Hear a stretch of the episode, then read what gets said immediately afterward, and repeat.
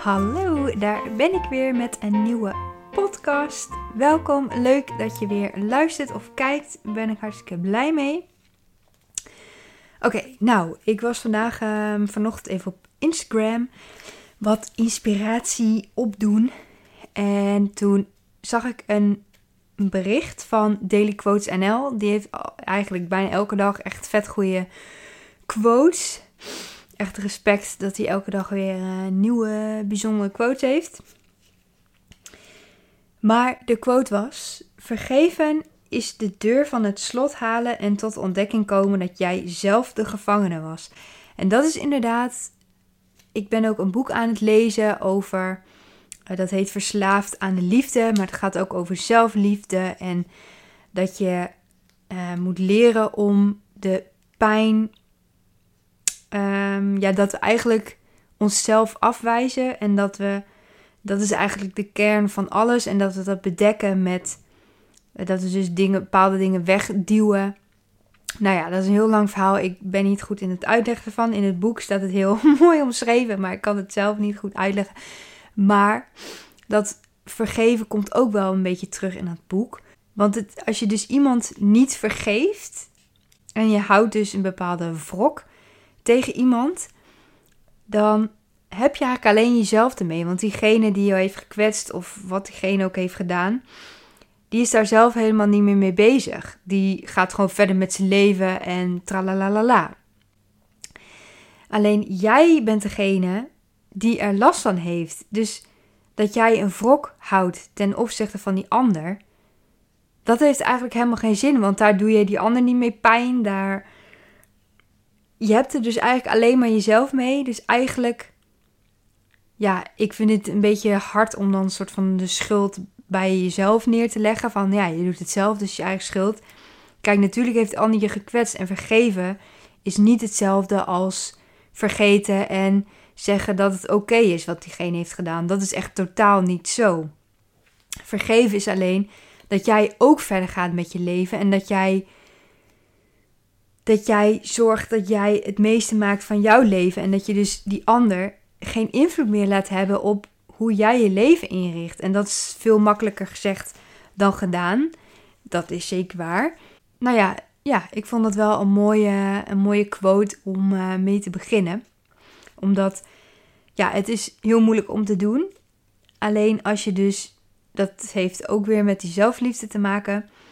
Als je van jezelf genoeg houdt dan kies je ook voor jezelf. En dan weet je ook van die ander die is helemaal niet met mij bezig. Die gaat gewoon verder met zijn leven.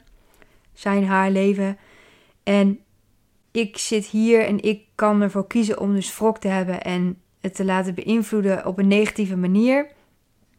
Of ik kan ervoor kiezen om te leren van wat er is gebeurd, de ander te vergeven en om door te gaan met mijn leven. En met nogmaals, met vergeven bedoel ik niet vergeten of en of het oké vinden wat die ander heeft gedaan. Maar wel dat je er overheen stapt en dat je het je niet meer laat beïnvloeden op je huidige leven. Want in dat boek Verslaafd aan de Liefde staat dus ook dat je, ehm, je gaat proberen met meditatie, dus proberen weer tot de kern van jezelf te komen. Om dus van die zelfafwijzing af te komen. En dan ga je eerst dus proberen om jezelf ja, niet te veroordelen. Dus als je jezelf slap vindt, dan ga je niet het slap van jezelf vinden dat je jezelf slap vindt. Want dat is dan ook weer een zelfafwijzing. Alleen dan ga je dus echt proberen van oké, ik vind mezelf slap, oké. Dat je dat een soort van, ja, ik weet, ik ben er zelf ook nog mee bezig. Dus ik kan het zelf denk ik ook nog niet zo goed. Ehm, maar dat je dus op een gegeven moment dus gaat proberen jezelf te vergeven. En op een gegeven moment ga je ook proberen om mensen die jou pijn hebben gedaan te vergeven. En dan kom je zeg maar steeds een stapje hoger bij dat je eigenlijk heel liefdevol in het leven kan staan. Zelfs tegen de mensen die jou heel erg pijn hebben gedaan. Want jij hebt alleen maar voordeel ervan als jij heel liefdevol naar iedereen toestaat. En vaak als mensen dus negatief zijn tegen jou en jij blijft heel liefdevol en open en blij, dan hebben die anderen op een gegeven moment ook zoiets van: oké, nou, dit heeft geen zin, dus ja, laat maar zitten. En dan heb je het eigenlijk, juist met liefde heb je het opgelost. En dat vind ik wel heel mooi. Sommige mensen kunnen dit, ik kan het nog niet.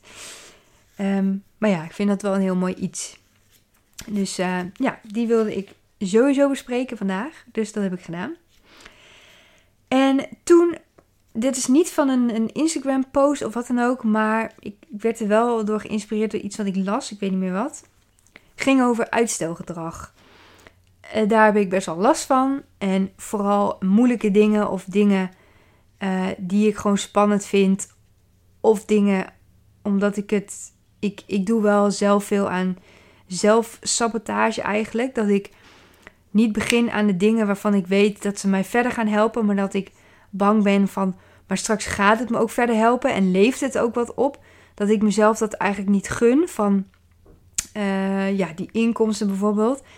Dat ik weet dat ik daar voor mijn eigen business, dat ik daaraan moet werken en dat ik dat op moet zetten en echt concrete stappen moet zetten in plaats van blijven hangen in een businessplan op een gegeven moment moet je natuurlijk ook dingen echt gaan doen. En dat ga ik vandaag ook doen. Heb ik, heb ik met mezelf afgesproken. Ik gun dat mezelf dus niet om daar echt aan te werken. Omdat ik eigenlijk bang ben dat het lukt. En ja, dat gun ik mezelf dus niet. Dus dat is mijn uitstelgedrag. Maar je kan ook gewoon uitstelgedrag omdat je gewoon geen zin hebt. En het is gewoon een stom klusje zoals schoonmaken of wat dan ook. Dat kan natuurlijk ook. Alleen wat heel veel mensen denken is dat als je dus iets aan het uitstellen bent, wachten ze op een soort motivatie ergens voor. Sowieso als je iets wil starten, als je iets nieuws wil doen, bijvoorbeeld beginnen met mediteren. Ja, oké, ik ga morgen ermee beginnen, denk je dan. En morgen is het dus morgen. En denk je, oh ja, ja, ja nu geen tijd, uh, dit en dat, dan vanavond. Nou, vanavond ben je moe. denk je, oké, morgen. Nou, en zo gaat het dus heel tijd door. Maar die motivatie die je denkt dat er komt, dat je denkt van oké, morgen heb ik de motivatie, dat gaat nooit gebeuren. Gaat nooit gebeuren, kan ik gewoon nu al zeggen, kan ik nu al uit je hoofd praten. Oh, ik moet niezen. Sorry. In ieder geval, die motivatie die gaat er nooit komen uit zichzelf. Is jammer, maar het is wel zo. En waar komt die motivatie dan wel vandaan? Vraag je je af. Nou, dat is dus uit dat jij jezelf ertoe zet, ertoe dwingt om ermee aan de slag te gaan. Van ik ga dat je jezelf echt voor gaat nemen. Ik ga om zo zo laat.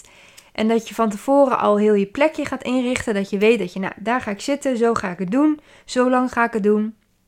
Mediteren als we het daar bijvoorbeeld over hebben. Dat en dat plekje, zo en zo laat.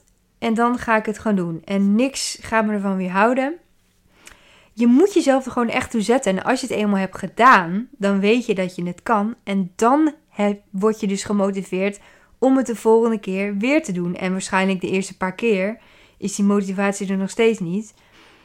Ja, sowieso motivatie is eigenlijk een soort... Ja, het bestaat eigenlijk niet echt. Ja, ik weet niet echt hoe, um, hoe ik dat moet uitleggen, maar... Als je dus motivatie ziet als iets wat uit de lucht komt vallen, dan nee, dan bestaat het inderdaad niet. Maar als je motivatie ziet als iets wat ontstaat als je dus ergens mee bezig mee bent, ideeën aan het opdoen bent en dat je gemotiveerd bent om ermee aan de slag te gaan en ook daadwerkelijk die plannen maakt. Dat is motivatie, maar je zult nog steeds jezelf ertoe moeten zetten om het echt te doen. Het is niet zo dat je uit jezelf opeens ja, heel makkelijk dat gaat doen, dat mediteren, als je het eerder nooit deed. Want het zit nooit in je ritme, het zit niet in je systeem. Dus het is iets nieuws, dus je, je moet er sowieso aan wennen. Je vergeet het soms ook gewoon, dat kan gebeuren. Zet een reminder op je telefoon. En dit kan natuurlijk voor alles, hè, wat je wil doen. Het maakt niet uit wat het is.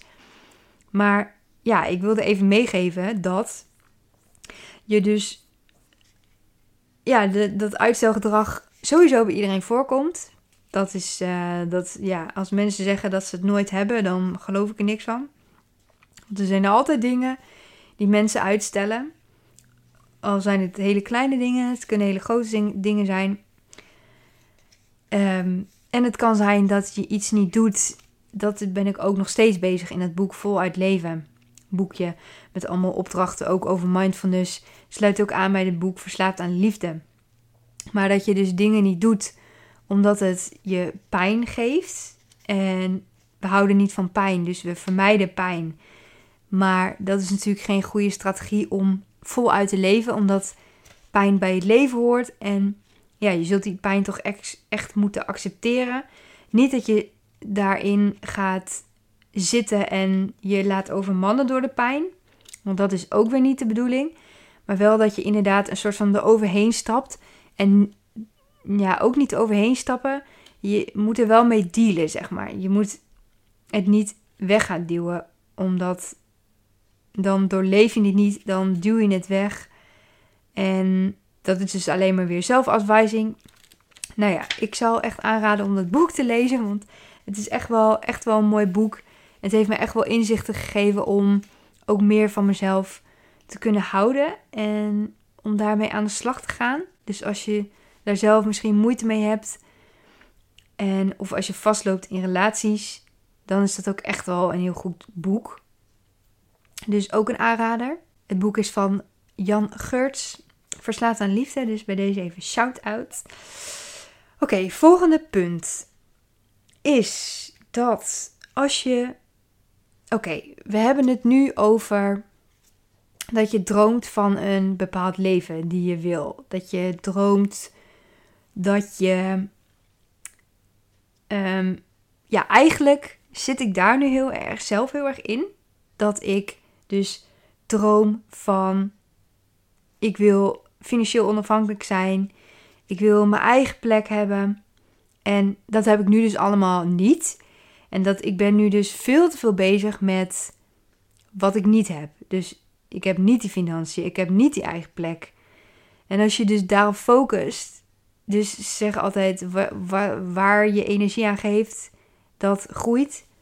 Nou ja, wordt in ieder geval dus niet beter op. het wordt niet, als ik denk aan wat ik allemaal niet heb, ga ik niet wel die financiële onafhankelijkheid, financiële onafhankelijkheid krijgen.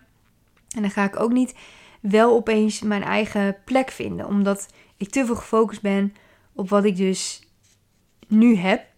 En ik denk, ik wil daar zijn. Dat is mijn A-leven. Mijn A-leven is financiële onafhankelijkheid en eigen plek. En dan ben ik nu dus altijd in mijn B-leven. En dus ben ik altijd ontevreden met wat ik nu heb, omdat dat maar, ja, dat is de B-keuze. En ja, dat wil je niet. Ik wil niet in mijn B-keuze zijn. Maar het is nu eenmaal wel zo. Dus eigenlijk zou het beter zijn van, om van je leven nu ook een A-leven te maken. Dus kijk naar wat ik wel heb, waar ik blij mee ben. En het is natuurlijk niet erg om te groeien. En ik weet ook niet zo goed hoe je dat dan moet gaan noemen. Hoe je dat dan, hoe je dat dan moet doen. Daar ben ik zelf ook nog niet achter, want ik zit er gewoon middenin. En ik realiseer mezelf nu wel heel erg dat ik dus heel erg in het negatieve bezig ben. Van wat wil ik allemaal niet en uh, wat heb ik allemaal niet, wat kan ik allemaal niet. Zeg maar qua financiën, maar ook qua mezelf. Dat ik dus bijvoorbeeld uh, die sollicitatie die ik uh, twee weken geleden had. Dat, dat, is, dat ik dus niet ben geworden. Dat ik dus heel erg ga focussen van ik ben het niet geworden. Die baan had ik echt makkelijk aangekund. Het gesprek ging hartstikke goed. Maar ze hebben toch voor iemand anders gekozen. Dan ga ik heel erg in de van ja, wat heb ik dan fout gedaan? Terwijl ik heb niks fout gedaan. Want ik kreeg ook van de opdrachtgever ook mee dat het een prettig gesprek was. En dat ze onder de indruk waren van wat ik allemaal had gedaan. Enzovoort, enzovoort. Van degene die met mij mee was vanuit het uh, detacheringsbureau kreeg ik ook door dat het echt niet aan mij lag. Dat ik echt een topper ben. En nou ja, bla bla bla. Hartstikke leuk om te horen. Komt alleen nog steeds niet echt binnen bij mij. Omdat ik dus focus op dat ik niet die baan heb gekregen. In plaats van dat ik dat dus bijvoorbeeld kan zien als een soort leerervaring. Of ja, ik zie het nog steeds heel erg als een afwijzing. Ehm, dus daar kan ik ook nog zeker wel mee aan de slag. Maar ehm, ja, hoe zeg ik dat? Dat ik dus zelf eigenlijk nog mijn B-leven aan het leiden ben. En dat ik dus eigenlijk dit moet omtoveren tot mijn A-leven op de een of andere manier. Ik weet dus niet zo goed hoe, omdat ik te veel nog daarin zit van... Ik zit nog te veel in dat B-leven vast. En ik zie heel moeilijk een uitweg, omdat ja, heel veel dingen... Ehm, ik reageer dus bijvoorbeeld op sociale huurwoningen. Maar ja, zoals iedereen wel weet, zijn de wachtlijsten echt enorm lang. Ik ben echt bij heel veel verschillende ingeschreven. Elke dag reageer ik, ook op lotingshuizen. Dus daar heeft de inschrijfduur geen invloed op. Nou, ik kan je niet vertellen hoeveel lotingshuizen ik al op heb op gereageerd in de afgelopen twee jaar ongeveer. Anderhalf jaar, twee jaar. Dat is echt heel veel. Ehm, dus ja, ik heb daar gewoon verder geen invloed op. En ik kijk om me heen naar particuliere woningen, maar die zijn dus vaak te duur. Dus ja, het is gewoon echt een hel om een eigen plek te vinden. En ehm, ja, dat is iets waar je dus zelf heel weinig invloed op hebt. Dus dat is ook iets waar je jezelf eigenlijk dus helemaal geen zorgen om moet maken. Dat je, eigenlijk moet je daar helemaal niet te veel mee bezig zijn. Omdat dat is dus ook een, een, een psychologisch iets van als je er geen invloed op hebt zelf, laat het dan los. Dan laat je het los, omdat ja, je kunt je wel zorgen maken, je kunt wel gaan piekeren, je kunt wel alle dingen, allerlei dingen gaan doen, maar het gaat allemaal niet je probleem oplossen. Het geeft mij niet meer kans op die woningmarkt. Het geeft mij, nee, ik heb er eigenlijk helemaal niks aan. Dus dan kun je beter die energie die je besteedt aan piekeren en zou het lukken, zou het lukken, bla bla bla. Niemand wil mij, eh, ik kan nergens binnenkomen. Want ik heb bijvoorbeeld ook gereageerd uh, op anti-kraak. Kom ik ook niet in aanmerking voor. Zal te weinig verdienen of zo. Gewoon niks dus. Maar um, ja, dat is dus ook zoiets. Zelfs dat lukt niet. Ja, ik heb, ja, ik heb daar ook geen invloed op hoe ik dat. Het enige waar ik invloed op heb is dat ik dus zelf meer inkomsten ga genereren. Ehm, maar goed, dan is het nog steeds. Uh, dan heb ik meer keuze, omdat ik dan een. een um, ja, ik kan nu tot een bepaald bedrag mag ik een woning. Anders is het te hoog, kan ik het niet betalen. Dus als ik meer verdien, dan kan ik ook in het hogere segment kijken. Dan heb ik meer keuze. Maar dan nog steeds is het super moeilijk om een huis te krijgen. In ieder geval, wat ik duidelijk wilde maken is dat je dus weinig invloed hebt op bepaalde dingen in je leven die je anders zou willen.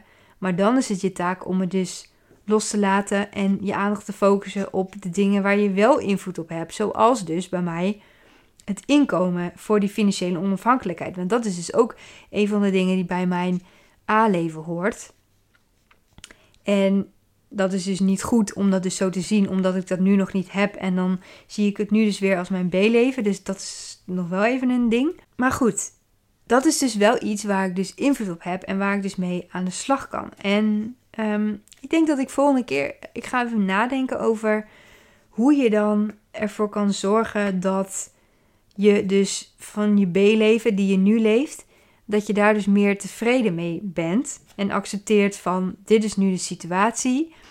Dat heeft, dat, daar kan ook dat boek die ik nu aan het lezen ben en voor het leven kunnen daar ook bij helpen. Dat je accepteert van oké, nee, nu is het nog niet zoals ik wil.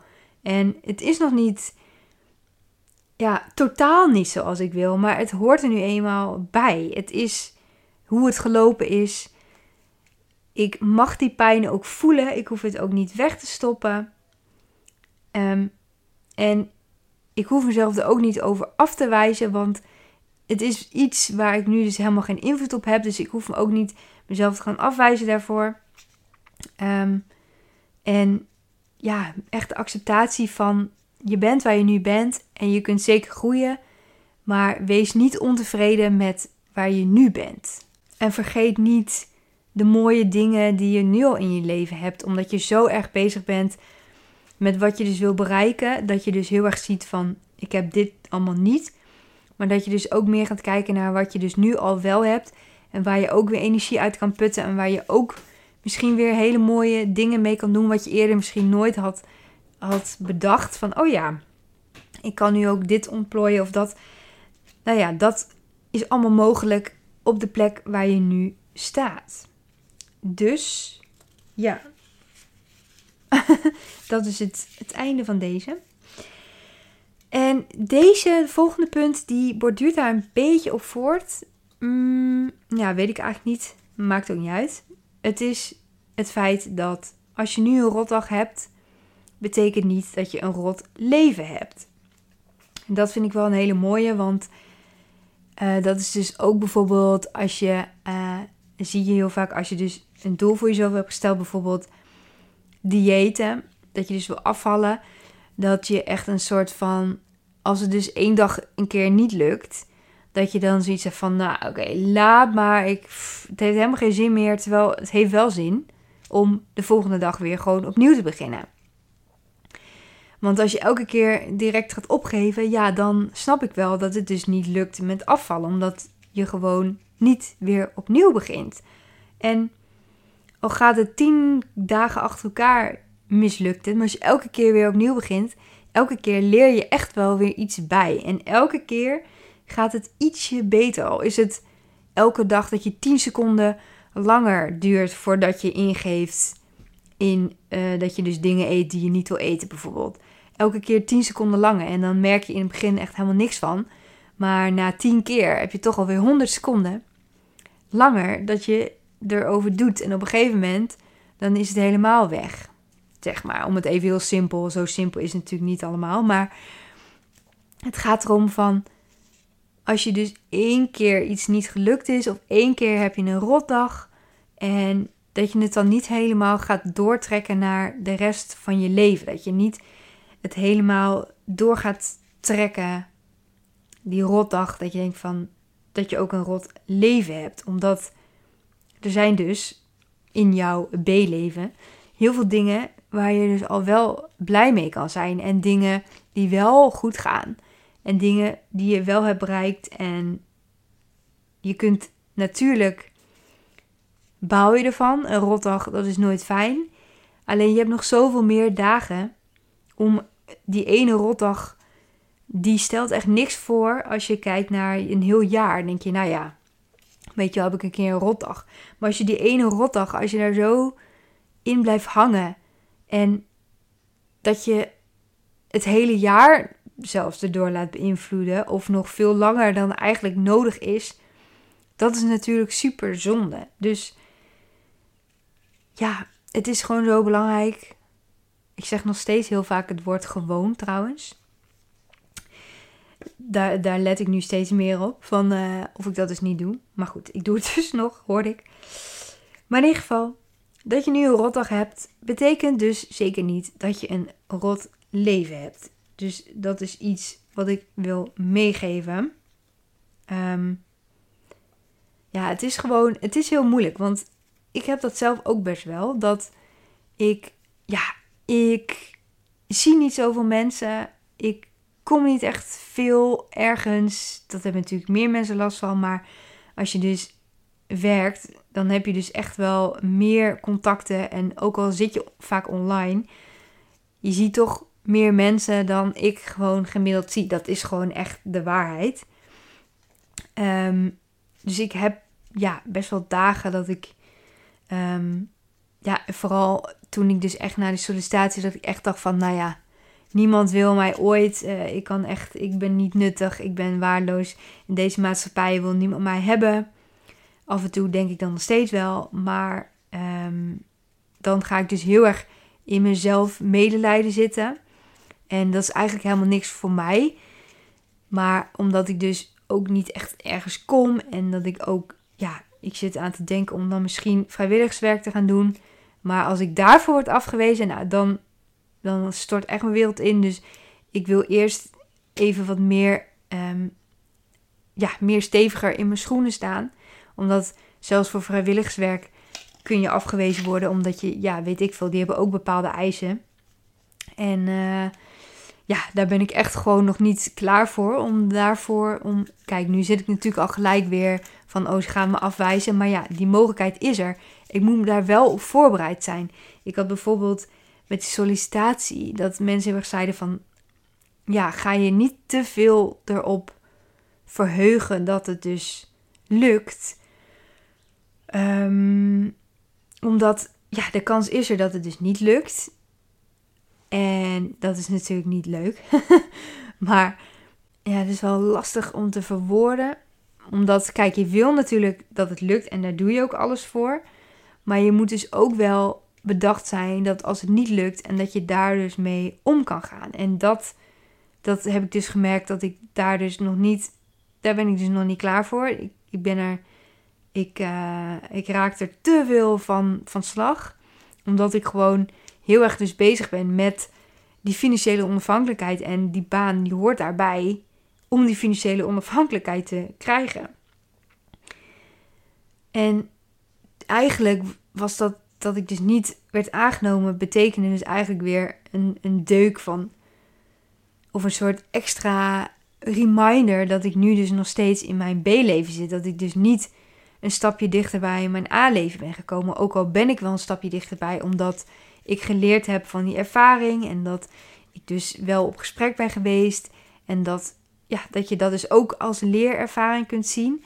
Alhoewel ik ja, ik wil niet arrogant overkomen, maar die gesprekken die gaan altijd wel goed bij mij. Het is, het is niet het gesprek. Het is altijd of de ervaring heb ik te weinig, of dus altijd wel iets waar ik niet direct iets mee kan. Zeg maar, ja, ik kan wel meer ervaring op gaan doen, maar dan moet ik wel eerst dat gaan doen. Het is niet zo dat ik uh, in een gesprek iets anders kan doen, anders verwoorden, dat, dat het dan dat dat, dat dat het is. Want dat is het dus niet. Het is vaak iets, en dat frustreert mij nog het meest, dat ze wel, ja, ze zijn wel onder de indruk van wat ik allemaal gedaan heb, maar ja, je kunt daar wel leuk van onder de indruk van zijn, maar als het niet helpt om mij die baan te krijgen, wat heb ik in godsnaam daaraan? Weet je wel, wat, ja, uh, dan had ik het net zo goed niet kunnen hebben, want het heeft toch niet geholpen. Dus ik snap niet helemaal, ik, ik vind dat ook echt zoiets nietszeggend. Dan denk ik, ja, zeg dan gewoon niks, alsjeblieft. Want ja, nou ja, ik kan er soms ook best wel zagrijnig over worden.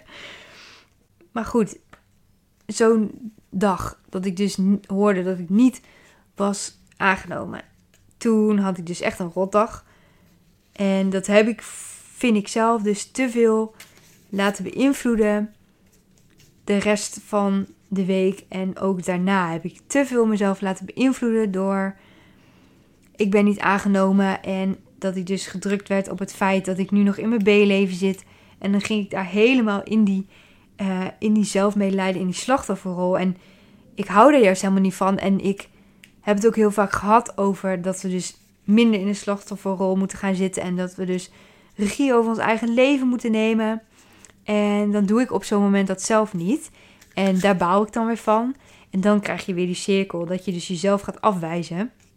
Omdat je dus Ehm, ja, je gaat dus in, in die slachtofferrol. En dat je dat dan weer gaat veroordelen. En dan wordt het eigenlijk alleen maar weer erger. Dus eigenlijk, wat ik dus geleerd heb uit dat boek, is dat je dus probeert om dat gewoon te observeren. Van dat je in de slachtofferrol zit, dat je in die negatieve spiraal zit. En dat je dat probeert te observeren zonder een oordeel. Dus zonder daar weer wat van te vinden. En dat is zo moeilijk. Dat uh, lukt mij ook nog niet echt zo goed. ik uh, probeer het wel. hoe vaak je het oefent, hoe beter het wordt. Dus dat is zeker waar. Um, maar goed, ja, het is dus iets waar ik dus heel erg mee worstel. En ja, ik denk dat andere mensen dat ook best wel hebben. En dat als je er middenin zit, dat het soms ook best lastig is om dus daar buiten te stappen. Zo wat ik dus nu probeer te doen. Om naar buiten te stappen, te stappen en om dus minder in die slachtofferrol te gaan. Om het wel te accepteren van jezelf. Dus niet veroordelend zijn. Maar om te kijken van oké, wat kan ik doen om mezelf te helpen? Hoe kan ik om hulp vragen? Hoe kan ik. Je kan zoveel doen. Um, en gelukkig leer ik nu steeds meer om in mijn omgeving om hulp te vragen. En ja, daar ben ik wel echt heel blij mee dat ik dat nu kan. En ja, dat geeft mij ook echt heel veel steun. Dus niet alleen de hulp zelf, maar dat ik erom kan vragen, dat geeft me al heel veel steun. Dus dat ga ik ook zeker blijven doen. En met dat gezegd hebbende, hulp vragen is heel goed daarmee wil ik deze podcast weer beëindigen, want ik zie dat het alweer de tijd is geworden. Bedankt voor het luisteren, kijken en ja, ik vind het echt, ik ben echt heel blij En ik hoop dat je er weer wat aan hebt gehad. Dat je inzicht hebt opgedaan. Dat je nieuw tegen dingen aankijkt. Ehm, laat het vooral weten. Je kunt mij via Instagram, via YouTube, overal uh, ben ik te bereiken. Dus uh, neem vooral contact met me op. Vind ik heel leuk. Nogmaals bedankt en tot de volgende keer.